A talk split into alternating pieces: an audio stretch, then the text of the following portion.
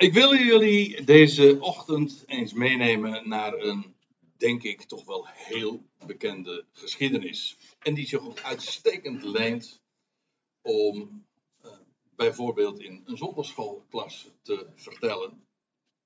Want het is een prachtverhaal. Maar ik wil u vanmorgen vooral eens vertellen dat het zoveel meer is dan een prachtverhaal. Het is A. Werkelijk geschiedenis historie. Het is een beschrijving van wat er ooit uh, plaatsvond. Uh, maar dat niet alleen. Het is een geschiedenis met een enorme profetische diepgang.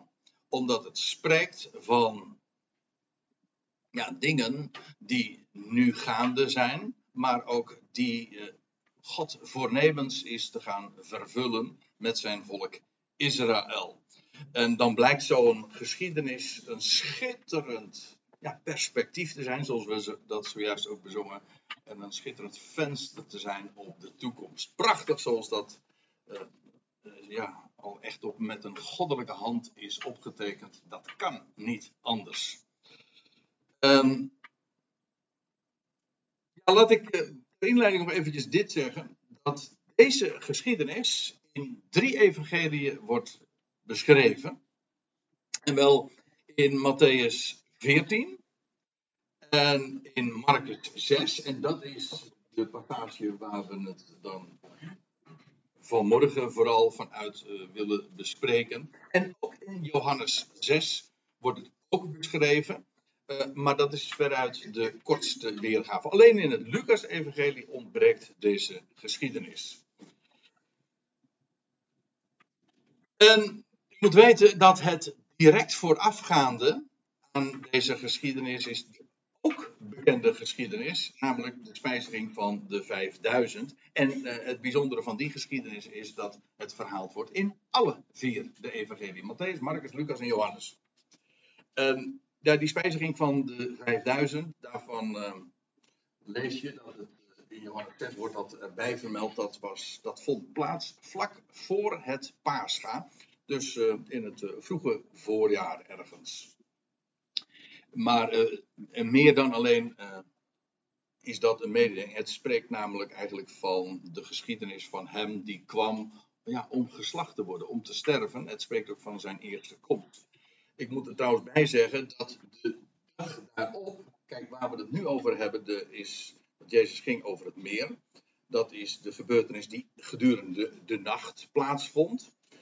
En de voorgaande dag dus uh, vond die spijziging van de 5000 plaats. De dag daarop zou Jezus een, een, reden houden en die wordt uitgebreid beschreven in Johannes 6. Uh, namelijk, uh, en ja, als u dat in uw Bijbeltje opzoekt, dan staat daarboven het brood des levens. Het brood van het leven of het levende brood. En de Heer Jezus wijst er dan op ja, dat de, de grote schade voor het merendeel geen oog heeft voor de diepere betekenis. Want zij dachten dat dit alleen maar was om hen te voorzien van voedsel. Dat was wel zo, maar uh, het is zoveel meer. En dat het werkelijk spreekt van hem die uit de hemel is gekomen en het leven geeft.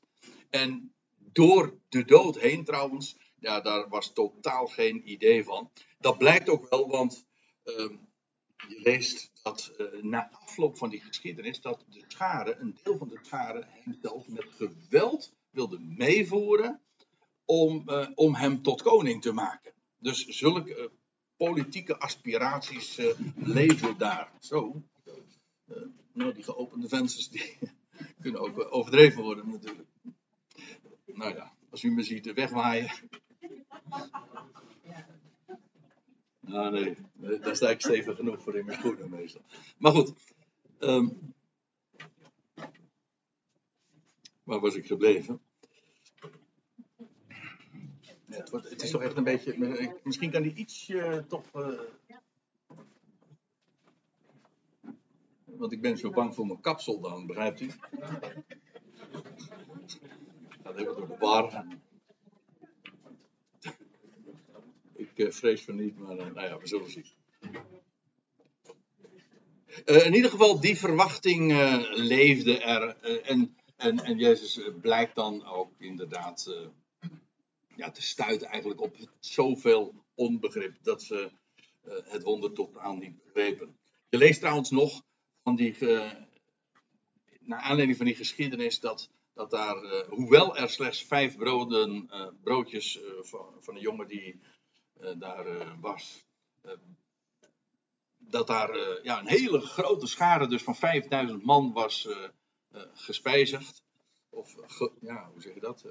voorzien was van voedsel. En dat na afloop er nog niet, niet meer twaalf manden over waren.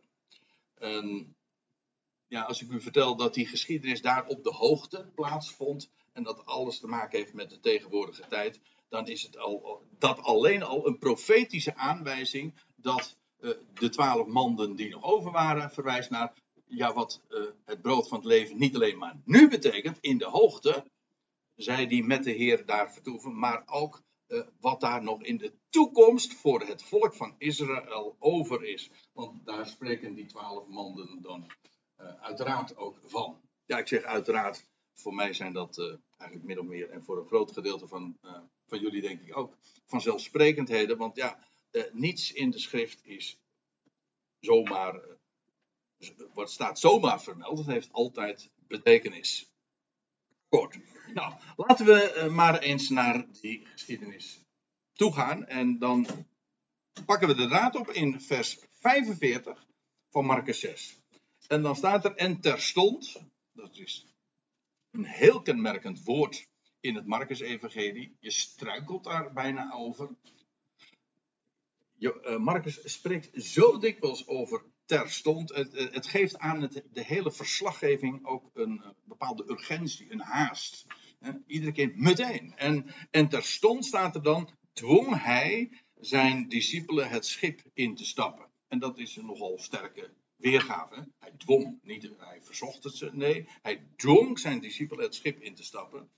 En uh, ja, de reden daarvoor, die, die noemde ik eigenlijk zojuist al even, namelijk omdat we in ja, dat staat dan weer niet in Marcus, maar als je schrift met schrift vergelijkt, dan blijkt dus in Johannes 6 dat daar staat dat de schade hem met geweld koning wilde maken. En uh, Jezus, voor Jezus was dat een, een aanleiding om uh, zo snel als mogelijk daar te vertrekken, om zich aan die hele, om aan zulke aspiraties en zulke initiatieven zich vol, uh, terstond te onttrekken. Daar had hij uiteraard niets mee. En hij dwong nu zijn discipelen het schip in te stappen zijn discipelen, dus de twaalf, en ik zeg het expres zo nu ook even om daarmee aan te geven dat zijn discipelen een type zijn, een beeld zijn van het volk Israël. Ik zeg het nu even vooraf, maar dat zal in de loop van deze geschiedenis eh, ook eh, wel blijken. De twaalf. En dan, eh, dan staat er, hij dwong zijn discipelen het schip in te stappen en dan vervolgens vooruit te gaan naar de overkant van Bethsaida. Ja, dat is een, uh, nogal een, beetje een lastige kwestie, want het staat in de Statenvertaling heen te varen aan de andere zijde tegenover Bethsaida. Uh, ja, niet uh, naar de overkant, namelijk, namelijk Bethsaida, maar juist de overkant. Want het punt is, we weten in, uh, vanuit Lucas dat de spijziging plaatsvond in Bethsaida. Dus als zij nu weggaan, ja, dan kan dat natuurlijk, natuurlijk nooit uh, naar Bethsaida zijn. Dus, uh, ja, want dat is dan wat we weten uit Johannes. Dus ze gingen naar Capernaum. En dat is inderdaad de overkant van Bethsaida. Nou, laat ik eventjes, om het wat duidelijk te maken, even deze ja, een luchtfoto tonen. Het is wel een, een mooi plaatje, vind ik zelf. Om, nou, dit toont dus het noorden van het meer van Galilea, of Kinneret. En het is in deze streek, hier wordt het genoemd de Jesus Triangle, de, de Jezus Triangel, dat wil zeggen in deze driehoek uh, heeft, uh, vindt een groot gedeelte van het optreden van de Heer Jezus plaats hier hier woonde hij ook daar in, later in, in Capernaum. Ja, dat is hier dus. Daar had hij zijn huis. Dat lezen we ook ergens in de Mar Marcus, als ik me niet vergis. Maar in ieder geval, en hier Gorazin en Bethsaida, eh, in deze omgeving vond zijn optreden voor een groot deel plaats. Hoewel hij natuurlijk ook elders eh, in het hele land is geweest. En uh, nou ja, dit is dus het meer. Je ziet hier helemaal in het noorden Caesarea Philippi. Dat ligt daar tegen de, de berg Hermon aan ongeveer. En, in het, en het meer in zijn breedte is ongeveer 10 kilometer. Zoals u hier ziet vanaf Tiberias naar de overkant. En dit meer in zijn algemeenheid, daar hebben we het bij een andere gelegenheid ook wel eens een keer over gehad. Dat uh, heet kinneret in het Hebreeuws. En kinneret is, uh, dat is afgeleid van het woord kinoor en dat betekent een harp. En dat komt omdat het uh, meer de vorm heeft, als je het van bovenaf beziet. Dat zie je hier niet zo goed omdat je alleen maar de, noordkant ziet. Maar het heeft de vorm van een harp. En ook dat is weer niet zonder betekenis. Maar goed, in ieder geval hebben we dus een indruk. Hier vond dus de spijziging plaats, bij, bij Bethsaida. En ze gingen nu oversteken, dus dat is maar een paar kilometer, een kilometer of wat zal het zijn. Uh, nou, ze waren trouwens ook nog wat afgedwaald tijdens, de, tijdens het hevige noodweer. Maar in ieder geval, een kilometer of vijf of zo, zes, heeft men dus uh, gevaren. Nou ja, hoe dan ook, eh, zij, eh, worden, zij, zij eh, gaan met deze missie vooruit naar de overkant van Bethsaida. De overkant van Bethsaida, niet de overkant Bethsaida, maar van Bethsaida. Terwijl hij zelf de schade wegzond. En afscheid nemend van hen staat er dan. Ja, en dat is in dit geval zowel de schade als ook de twaalf. Ging hij weg berg op om te bidden. En dit is iets wat je uh, regelmatig uh, leest, dat hij meestal in de eenzaamheid, maar gedurende zijn ja, drukke leven en ja, het, het, vele wat hij deed, dat hij in de nacht de berg opging. En, ja, en hier lees je het ook uitdrukkelijk. Hij ging weg de berg op om te bidden. En nu meteen even nou, de diepgang, maar eigenlijk moet ik zeggen eh, de hogere dimensie hiervan bezien. Het spreekt van Jezus' tegenwoordige positie. In de hemel namelijk. Wat ik u wil laten zien is dat dit niet alleen maar een geschiedenis is, maar dat dit een, een plaatje is, een, een, een afbeelding van, ja, van, een, van een veel groter geheel, namelijk van de tegenwoordige gang van zaken, eh, waarbij Israël in de nood komt, maar waarbij de Heer zelf, ja, waar is hij? Nou, daarboven, in de hoogte, eh, en ook op de hoogte moet ik zeggen. Dat zullen we ook zien. Maar eh, de berg, dat spreekt inderdaad van verhoging. En hij eh, bevindt zich op de hoogste plaats. Dat weten we toch? Eh, en hij is gekroond. Dat is waar deze geschiedenis ook een uitbeelding van is. En ik kan het niet nalaten om daar nog even iets te zeggen. Want kijk, hij is, waar is nu de Heer? Nou, daarboven. Dat is de Bijbels eigenlijk het meest kenmerkende van deze de tijd van de afgelopen 2000 jaar is dat de Heer uh, ja, ontrokken is aan het oog en hij bevindt zich in de hoogte. Ook, uh, ja, wij zien hem niet. Nee, maar hij is daar en hij heeft de hoogste plaats ingenomen en hij is ook gekroond. En wat ik uh, nou zo apart vind, is dit. En vanwege het feit dat we nu al anderhalf jaar er gaat geen dag voorbij of je hoort 10 of 20 of misschien wel 100 keer het woordje corona. En ik wil nou eens een keertje op een heel andere kant van dat woord wijzen, corona. Want corona betekent namelijk gewoon eigenlijk kroon. En er is een sterrenbeeld dat ook die naam heeft, namelijk Corona Borealis. ja, Borealis is uh, om een andere reden de laatste jaren nog eens bekend geworden. Dat had iets met Thierry Baudet te maken. Maar dat wil ik. het betekent inderdaad het Noord. Het, heeft, het is de Noorderkroon. En zo kennen wij dat sterrenbeeld ook. En de aardigheid is dat als je nou aan het zuidelijk halfrond van deze wereld zou leven, dan kennen we een ander sterrenbeeld en dat is precies het tegenovergestelde. Dat heet het Zuiderkruis. Dat is niet een heel groot sterrenbeeld, maar wel een heel opvallend sterrenbeeld. En dat zie je hier dus. Het Zuiderkruis. Uh, dat is hier uh, nog, nogmaals op het noordelijk halfrond niet te zien. Maar weet je wat ik daar nou zo apart van vind?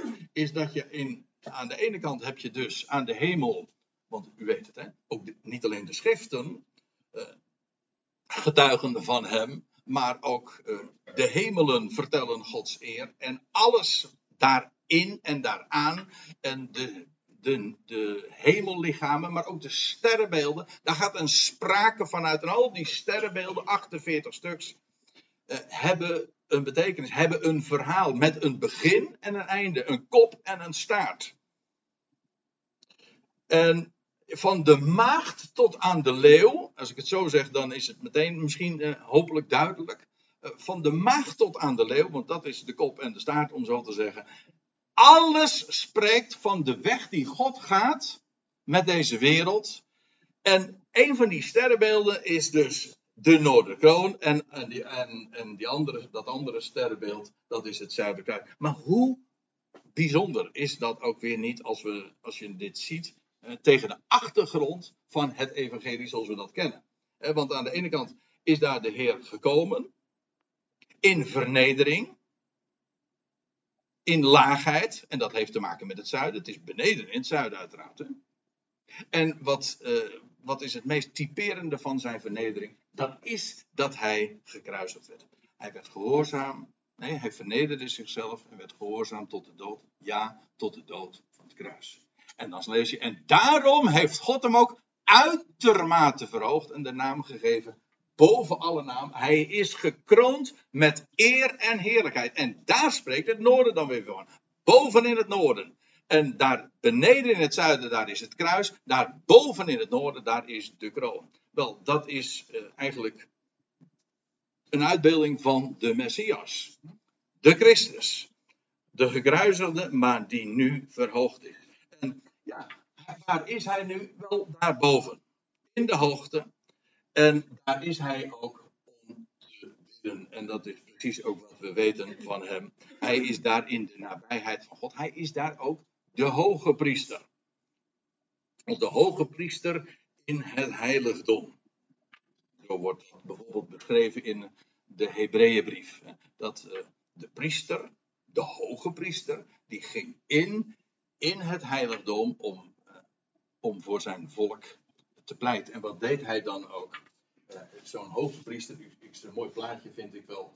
Uh, dan zie je, die had zo'n borstplaat met daarop de, de twaalf, jawel, de twaalf stenen, die al een, de uit, een uitbeelding zijn van de twaalf stammen. Maar dat niet alleen. Hij droeg ze niet alleen maar op zijn borst, op zijn hart, maar hij droeg die twaalf stammen ook nog eens op zijn beide schouders. Want hier waren ook zes edelstenen, en, uh, en zowel links als rechts zes edelstenen. Dus de twaalf stammen, de twaalf, Israël, zijn volk, droeg hij en op zijn hart en op zijn schouders. En al zodanig ging hij dan het heiligdom binnen. En ja, dat spreekt van uh, de grote hoge priester die wij hebben, die sinds zijn opstanding uit de doden inderdaad ook de priester is. En trouwens ook de koning. De koning-priester naar de ordening van Melchizedek. Nou ja, dat is allemaal een thema die, die zo breed uitgewerkt wordt in met name dan de Hebreeënbrief. Maar wat ik ermee wil zeggen is, wij hebben een Heer die nu daarboven is en zijn volk, Israël, maar u mag het voor mijn part ook nog breder trekken, gewoon zijn volk, dat zijn ook wij, dus een verborgen vorm, maar niettemin zijn volk, hij draagt ons. Hij kent ons, maar, en is in zijn liefde betrokken op en met ons maar hij draagt ons ook in zijn kracht, waar die schouders dan weer een uitbeelding van zijn. En dat is een geweldige gedachte. Dat daar één is, daarboven. Onze belangen worden behartigd. En het feit dat hij daar is, dat spreekt al voor ons. Hij draagt ons op zijn schouders, op zijn borst. En dan staat er ook hier, hij ging de berg op om te bidden. En terwijl, en ik lees verder, vers 47. terwijl het avond werd, ik denk dat het inmiddels al wat eh, later op de avond was, eh, was het schip te midden van de zee. En hij alleen op het land. Ja, en ook nu moet ik weer even zeggen, dit is natuurlijk gewoon de beschrijving van hoe het ging. Maar ook nu wil ik er weer op wijzen. De twaalf, die bevinden zich op zee. En ook dat heeft een diepere zin. Net zoals dat het een diepere zin heeft dat, die, dat de Heer daar op de hoogte is, op de berg, en dat hij daar bidt. Zo heeft het ook een diepe betekenis dat, hij, dat de zijnen, zijn volk, de twaalf, zich bevinden midden op zee. Want de zee in de Bijbel is altijd een uitbeelding van de volkerenwereld. Of altijd, eh, heel dikwijls. Uh, ik, geef hier één voorbeeld waar dat wel heel duidelijk te zien is. Daar wordt het in het boek Openbaring ook inderdaad zo gezegd. De volkerenwereld die voelt en waar altijd uh, ja, golfslag is, waar zoveel beweging is. Uh, ja, een prachtige uitbeelding ook van, van de onrust die er in de wereld is. Wel, zij bevinden zich midden op zee. En ja, dat is het contrast. Terwijl hij dus uh, daar op de hoogte is, alleen zijn de zijnen bevinden zich op zee, te midden van de volkerenwereld. En dan staat er in vers 28, 48, en toen hij hen zag tobben, dat is opmerkelijk. Hoe kan dat nou? Want dat is kilometers verderop. Zij zagen hem toch niet? Nee. Zij zagen hem niet, nee. Maar hij zag hen wel. En ja, dat is het grote verschil. En dat is trouwens ook een heerlijke wetenschap. Ook als jij de dingen niet ziet. Nee, maar dat, uh, dat doet aan de waarheid van iets totaal geen afbreuk. Uh, hij zag hen tobben. Hij, hij, zag hen niet alleen, hij zag hen ook tobben. Hij kent, ja, dat is eigenlijk de waarde. Hij kent de situatie en hij, hij weet zelfs van, hij weet van ons innerlijk. Hij voelt met ons mee. En nou ja, dat is ook precies wat er uitgedrukt wordt in die, uh, die twaalf edelstenen op zijn borst als, uh, en op zijn schouders. Hij zag hen tobben bij het roeien, want de wind was hen tegen.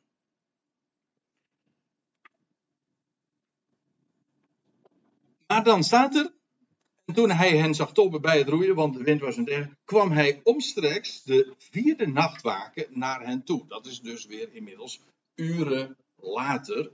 Want ja, dat is, uh, we praten ook uh, inmiddels over, uh, over een hele afstand, de, over, het, over een, een, het grote verschil, dat hij daar op de berg was. En, en hij ziet hen daar tobben op de zee en hij gaat dan naar hen toe. En dan staat er, en omstreeks de vierde nachtwaken kwam hij naar hen toe. U moet weten, in de Bijbel wordt dat nog eens een keer genoemd, de nachtwaken. Maar er, zijn er, zijn er dus verschillende. En hier weten we, uh, hieruit blijkt dus dat er in ieder geval vier zijn. En dat klopt ook, want een nachtwaken, een Romeinse nachtwaken, duurt uh, drie uur. Zodat er vier nachtwaken is dus eigenlijk in totaal twaalf uur. Vier keer drie uren. Wij rekenen in uren. En uh, in de in de Bijbel wordt vooral gesproken in, in, in termen van nachtwaken. Dus dan krijg je het idee van, ik geloof van 6 tot 9, van 9 tot 12, van, van 12 tot 3 en van 3 tot 6. En dat zijn de vier nachtwaken, zodat de vierde nachtwaken inderdaad dus het laatste deel van de nacht is, oftewel tegen de ochtend. En je vindt dat letterlijk later ook in ditzelfde evangelie, in Marcus 13 vermeld, want dan staat er, in verband overigens met de eindtijd, Waak dan, zegt de Heer, want jullie, jullie weten niet wanneer de Heer van het woonhuis komt, of laat, of te middernacht, of bij het hanengekraai, of vroeg in de morgen. Maar dat zijn nou typisch de vier omschrijvingen van die nachtwaken. Namelijk laat, uh, of te middernacht, of bij het hanengekraai, of uh, vroeg in de morgen. Dus we praten hier dus over de, nou, de, de uren die vlak voorafgaan aan, de, aan het licht worden, aan, aan de dag die aanbreekt. En hij, dan staat er, hij kwam omstreeks de vierde nachtwaken naar hen toe, wandelend op de zee.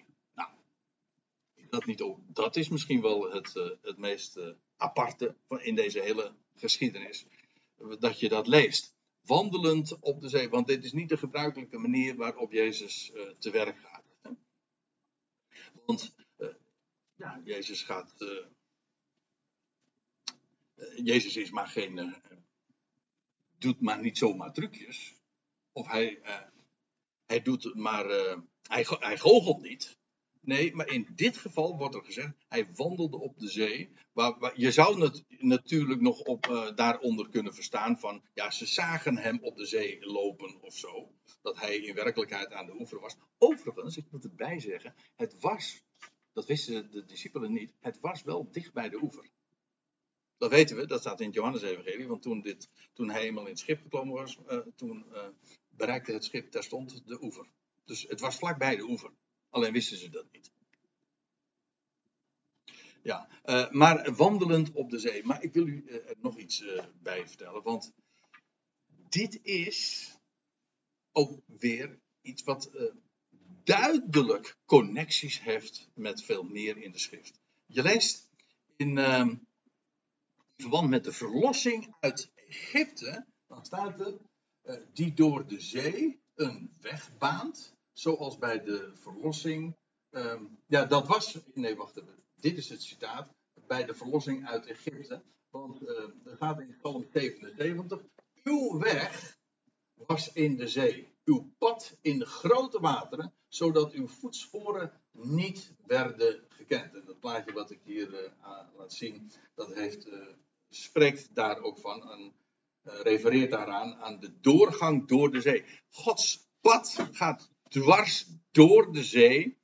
En uw pad in grote wateren en uw voetsporen zijn niet uh, te traceren, worden niet gekend. En uh, terwijl dit voor Israël de verlossing betekende, was dit juist voor de vijanden. En Farao en zijn legers uh, betekende dit hun, hun ondergang. Je leest trouwens eh, in Jezaja 43 dat God zegt: Ik, Jaweh, uw heilige, de schepper van Israël, uw koning. Oh, trouwens, de schepper van Israël. Dat betekent dat God het volk Israël bij deze gelegenheid ook gecreëerd heeft. Het volk Israël ontstond, juist ook werd geboren. De wateren braken. Als u begrijpt wat ik bedoel. Bij deze gelegenheid. En nu werd Israël verlost. Ik bedoel ook in de zin van. Toen werd het volk geboren. En zo. Uh, uh, uit Egypte geleid. En dan staat erbij.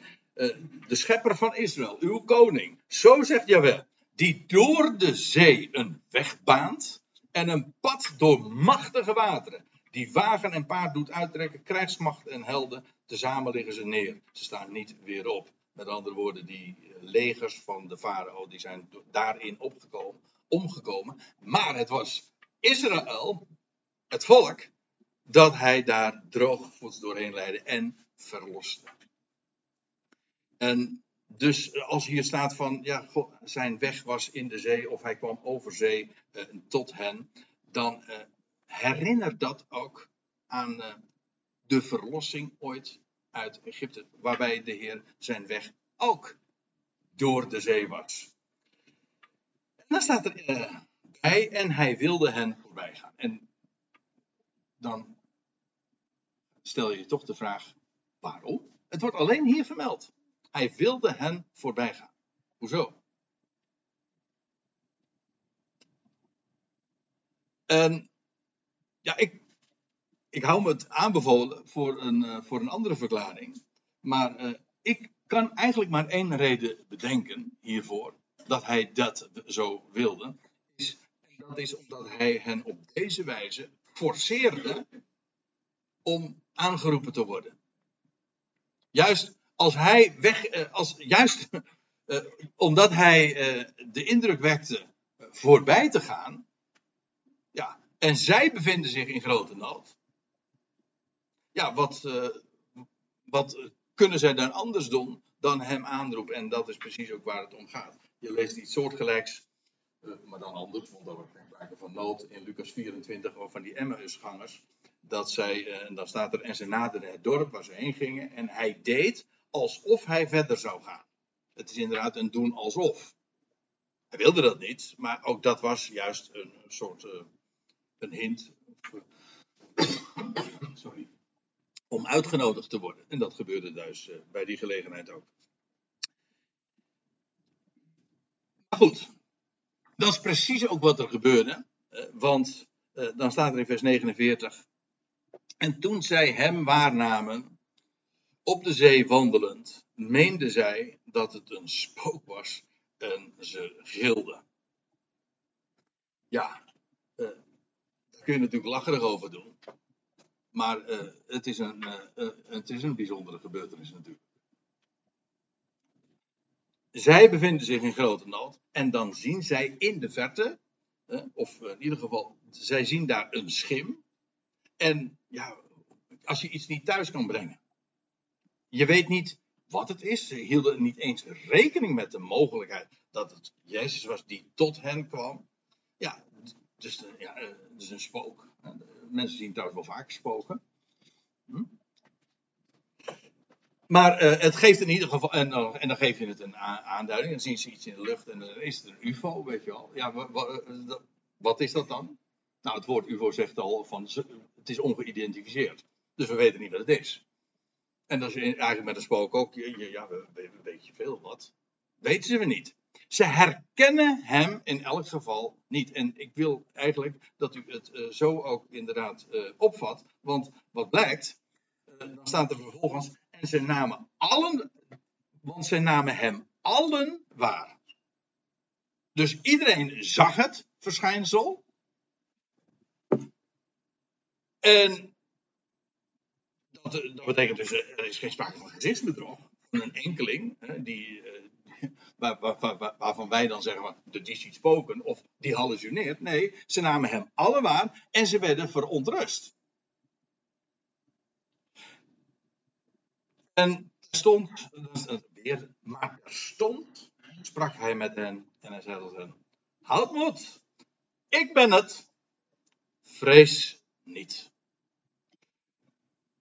nu eventjes weer uh, terug. Probeer je voor te stellen, deze geschiedenis. Ik moet er trouwens bij zeggen, dat heb ik er nog niet eens uh, bij vermeld, maar wellicht uh, heb je dat wel eens vaker ook vernomen, dat daar in die, bij, in die zee van uh, het meer van Galilea, dat helemaal omsloten is door gebergten, daar kan de wind zomaar in no time, binnen, binnen een minuut, onaangekondigd, dat wil zeggen zonder dat er iets is dat erop wijst dat het gaat gebeuren, dat het zomaar uh, enorm extreem kan gaan waaien.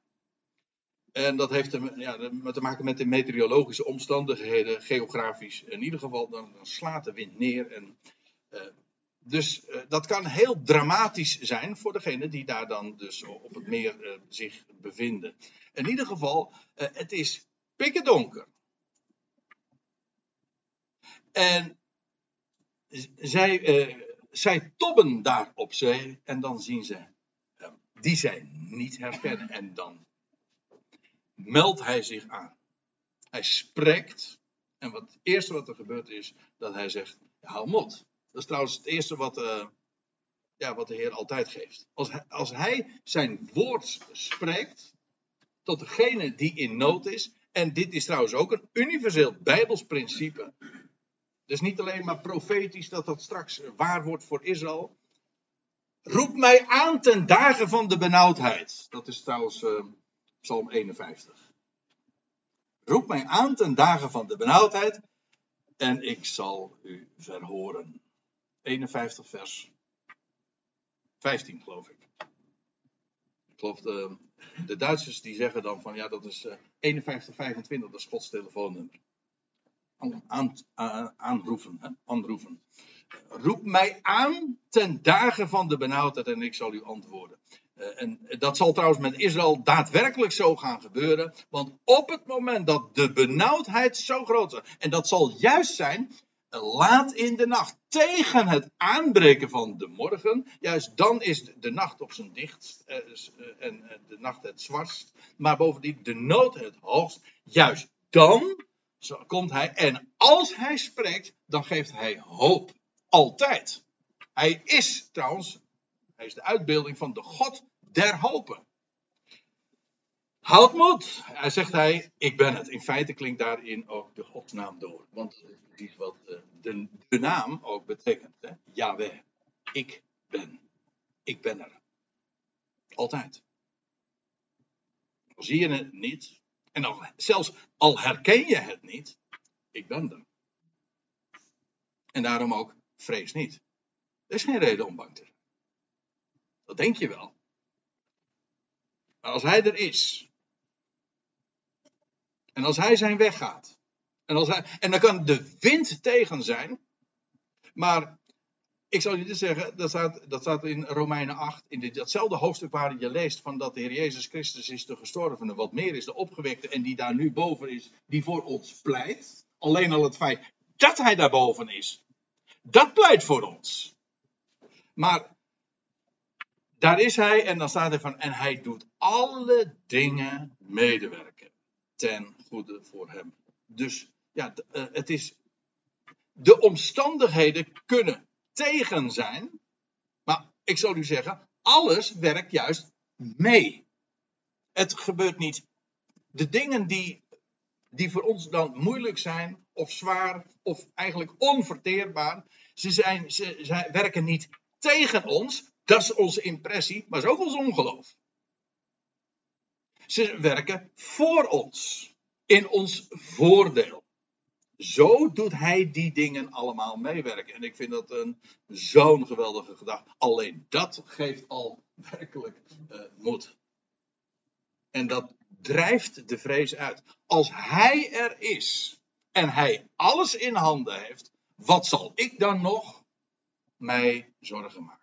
En dat wil niet zeggen dat er geen, eh, geen tegenwind is. En dat wil niet zeggen dat de golven niet, uh, niet hoog zijn. Het wil ook niet zeggen dat het niet schitzwart om je heen is. En het wil ook niet zeggen dat het allemaal schijnbaar tegen zit. Ik zal u dit vertellen. Hij is er. Hij ziet je. Hij, ja, hij is op de hoogte. En, en als hij daar is, dan zeg ik, ik ben het. Ik ben het. Houd moed. Vrees niet ik moet zeggen, ik vind dat, uh, afgezien van de precieze profetische betekenis in verband met Israël in de dag van benauwdheid, ik vind het een geweldige waarheid om daar nu ook voor ons aan te denken. Uh, want het kan, uh, het kan je soms naar de keel vliegen. En ik weet dat er mensen zijn die dit heel erg herkennen. Gewoon de dingen die er spelen in je persoonlijk leven of iets breder. Of in de wereld in het algemeen. Weet dit. Er is er één, is daarboven. En als hij spreekt, dan is altijd een woord van hoop, van moed. Ja, hij is er. En uh, hij heeft alles perfect onder controle. En dat is wat juist die vrede geeft. De vrede Gods. Dacht u nou werkelijk dat eh, door onze omstandigheden dat zijn troon gaat wankelen en zegt: Oh, nee, dat, uh, het gaat niet goed. Of ik, nou moet ik op plan B overstappen of zoiets. Nee, God heeft een plan en alles werkt perfect naar de raad van zijn wil. Hoezeer de schijn ook tegen is. En ga daarom ook nooit af op je, op je eigen inzicht, op je eigen conclusies. Want dat misleidt. En op je gevoelens. Want u weet, gevoelens dat zijn net golven. Hè? Die gaan op en neer zegt niks. Mogen die gevoelens er niet zijn? Jawel, maar ga er niet op af. Ze zijn nooit een kompas.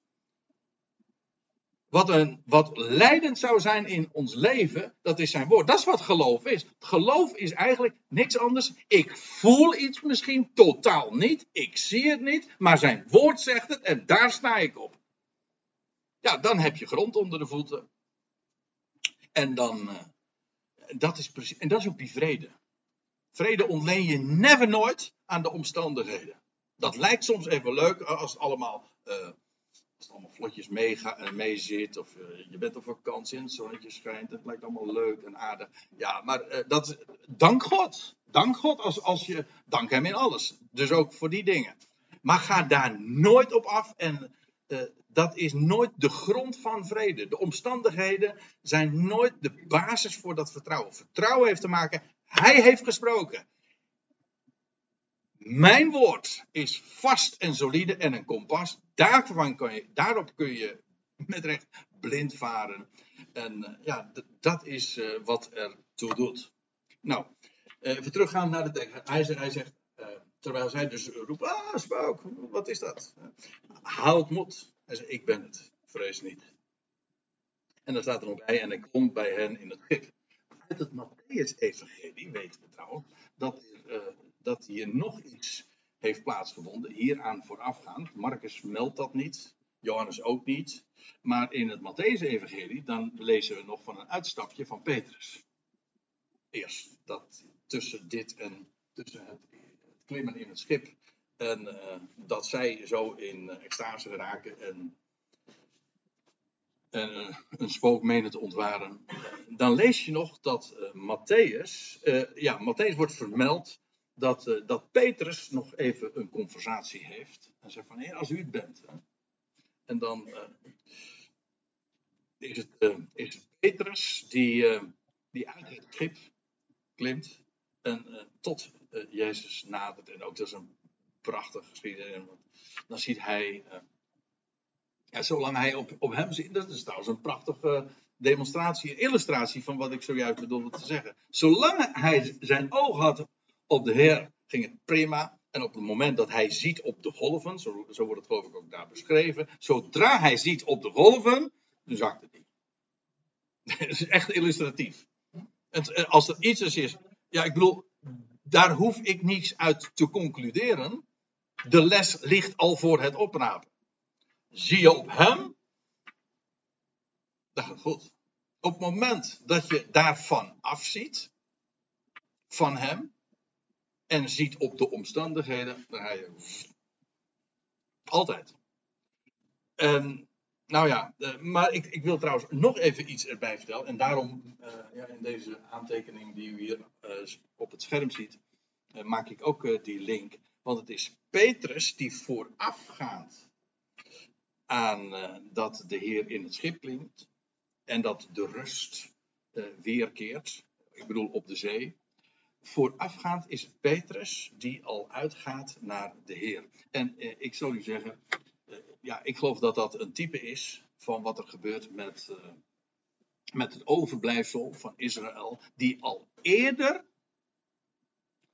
tot de Heer komt en, en een onderkomen zal vinden in de woestijn. Dat lees je. En daar ook uh, een, uh, bewaard wordt voor 1260 dagen. En uh, als je schrift met schrift vergelijkt, dan zal dat zijn in het gebied van Edom. En als mij vragen gewoon Petra. En waarom zeg ik Petra nu? Niet omdat het mijn vrouw is, maar omdat Petra, de, ja, dat verwijst naar, naar Petrus. Is, het is dezelfde naam trouwens. Het is exact hetzelfde woord. Hoe was het ook alweer? Gij zijt Petra. En op deze Petra zal ik mijn Ecclesia bouwen. Ik geloof ook trouwens letterlijk dat dat zo is. Als, de, als het volk van uh, daar een. Er is heel veel over te melden, maar straks in de nabije toekomst, dan lees je inderdaad in die grote verdrukking, dan zal een deel van het volk al uh, de vlucht hebben genomen daar in de woestijn, ergens daar in, ten zuiden van de Dode Zee, in uh, die, die, die stad, die rotsstad, dubbel S, en daar een veilig onderkomen vinden en, en,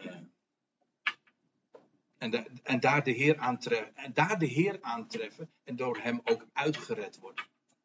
Dus ja, zelfs dat heeft een profetische betekenis en lading. En daar zal de Heer trouwens ook beginnen met zijn gemeente in de eindtijd te bouwen. Dus ook dat heeft een, een, eh, een profetische betekenis. Hoe dan ook, nou ja, dat wordt dan vermeld in Matthäus. Uh, in Marcus niet. Ik, uh, dus ik, je leest dan, hij klom bij hen in het schip en meteen staat er ook bij, in de wind bedaarde. En de zee werd dus ook En dat is precies ook wat we weten als de Messias, de Christus, straks zal komen en van de hoogte zal nederdalen. Daar is hij nu. Kijk, eerst heeft het wonder plaatsgevonden van die, van die vermenigvuldiging. Dat spreekt van, uh, van Paascha, van het feit dat hij gebroken is. Zijn eerste komst. Vervolgens is hij naar, naar de hoogte gegaan en daar is hij nu. En het volk, ja, dat, dat topt hier. En uh, het volk van Israël en, en uh, op de volkeren, in, in de volkerenwereld, op de volkerenzee, bevinden ze zich. En daar worden de golven steeds hoger. En naarmate uh, de nacht vordert en de dag nadert, wordt het steeds moeilijker en steeds zwaarder. Ja, maar dan komt hij tot hen. De vierde nachtwaker. Tegen dat het licht wordt, komt hij tot hen. En ja, en voorafgaand daaraan dus is het uh, nog dat, is, dat het, uh, het volk daar in Petra een, een, een, onderkomen zal vinden en al de Heer uh, zal treffen daar. Jawel. Maar uiteindelijk zal hij bij hen zich voegen, bij het hele volk, bij de twaalf.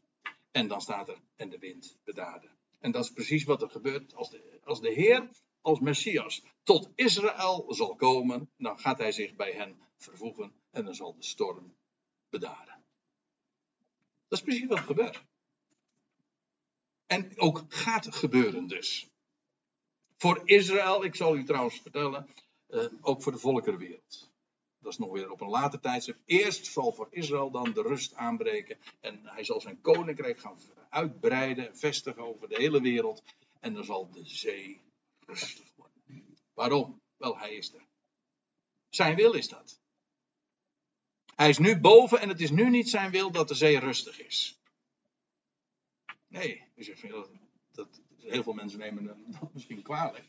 Hij kan het nu toch ook? Jawel, maar dat wil hij niet. En hij heeft zo zijn plannen. En dan kun je hem ter verantwoording roepen en zeggen van, nee, u doet niet goed.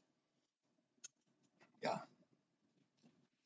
Nou, ik zal u dit vertellen, dat is gewoon hoogmoed hoor. Als je denkt dat je het beter weet dan, uh, dan de God van hemel en aarde. alleen het idee, is toch. Uh, ik bedoel, als je er zo over nadenkt, dan spoor je toch niet als je dat denkt. Dat jij als klein mensenkindje, uit de klei getrokken, hij, hij, hij, hij, neemt, uh, hij neemt zijn hand, uh, zijn, onze adem weg en we zijn niet meer. Wat zijn wij? En dan zullen wij even vertellen wat de schepper van hemel en aarde zou moeten doen. Sorry, maar zelfs het woord hoogmoed vind ik daar nog te, te klein, te eufemistisch voor. Hij weet wat hij doet. Maar hoe dan ook, als hij straks zal, zich zal gaan vervoegen bij het volk Israël. En dan, en dan ja, dan zullen ze hem herkennen. Dan zullen ze uiteindelijk weten wie hij is. Uh, maar nou loop ik er even op vooruit. En dan zal de wind ook gaan liggen en de zee rustig worden. En er staat erbij, zij waren, het staat nogal uh, heftig, zij waren innerlijk bovenmate ontsteld. Eigenlijk, eh, eh, hier staat in het het eigenlijk extase. Extase is ook een, een, een Grieks woord. Ex, uit, uitstaande, zoiets betekent dat. Uh, maar in ieder geval, uh, ja, uh, het wordt elders ook vertaald met buiten zichzelf zijn. Ze waren innerlijk bovenmate ontsteld. En er staat erbij waarom dat zo was. Want ze hadden niet begrepen bij de broden, maar hun hart was verhard. En dat is precies ook wat ja, eigenlijk Gods weg met Israël bij de eerste komt, dat is waar de broden van spreken. dat hij het brood brak. Dat hij, hij het levende brood was dat uit de hemel neerdaalde. Ja, dat spreekt van zijn eerste komst. Maar pas na de nacht komen zij tot inzicht. En wel door de storm heen en te midden van de volkeren zee. En pas dan en daarna en daardoor heen. En ook daardoor trouwens. Zal men tot inzicht komen. In eerste instantie dus niet. Kijk, wat hier beschreven wordt is. In aanvang had men niet begrepen wie de Heer was. Ze hadden niet, want zij hadden niet begrepen bij de broden. Ze waren niet tot inzicht gekomen. Ze hadden hem niet werkelijk uh, leren En dat is, is dat is niet precies wat we weten van het volk van Israël.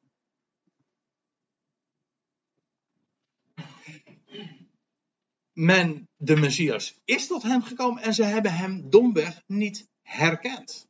En vandaar ook, vandaar ook trouwens, dat als hij straks, als de Messias tot Israël gaat komen, er komt een moment dat Israël in zo'n grote nood is, dat ze de naam gaan aanroepen.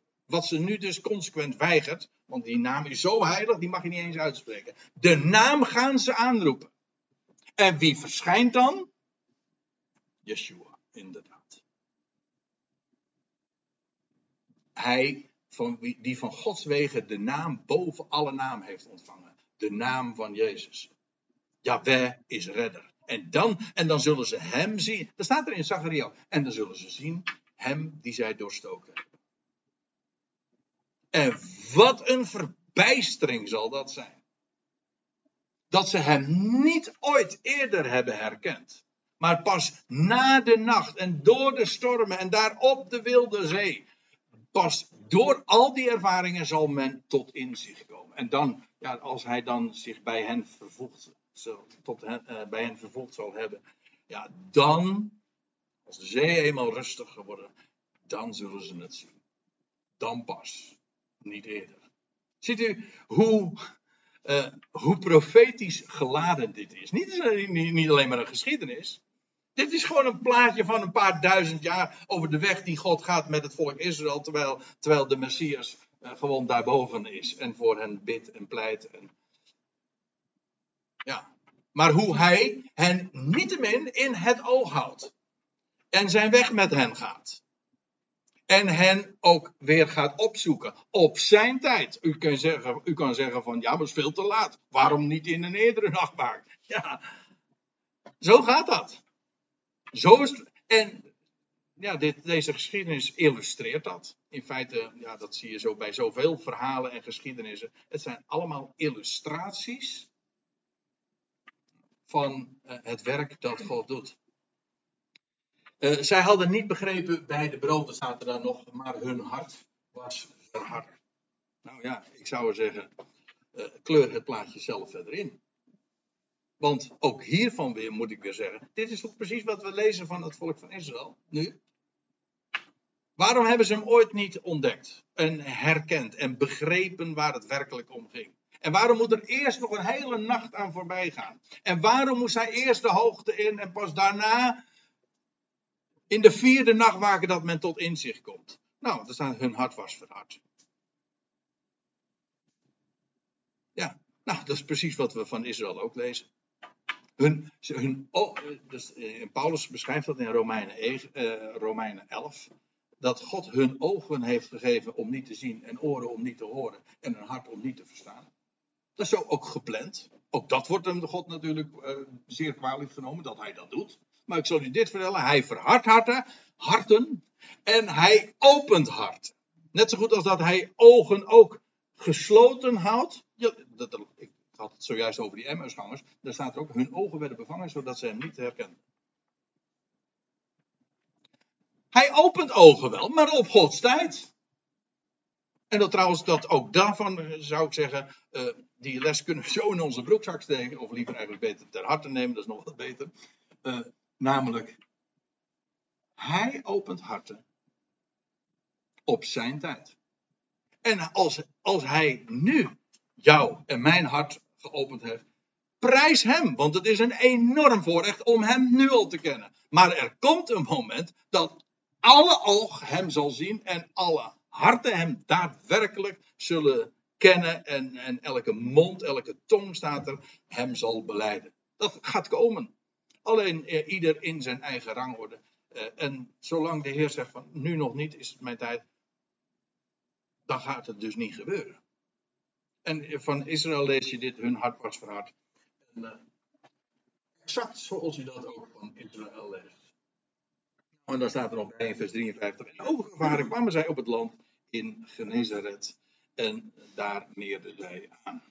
Ja, ik heb er nog maar even erbij gezet. Dat zou ik, dat zou ik ja, als. Uh, dat, is, kun je opvatten als tegeltjeswijsheid natuurlijk. Hè? God heeft ons geen kalme reis beloofd maar wel een behouden aankomst.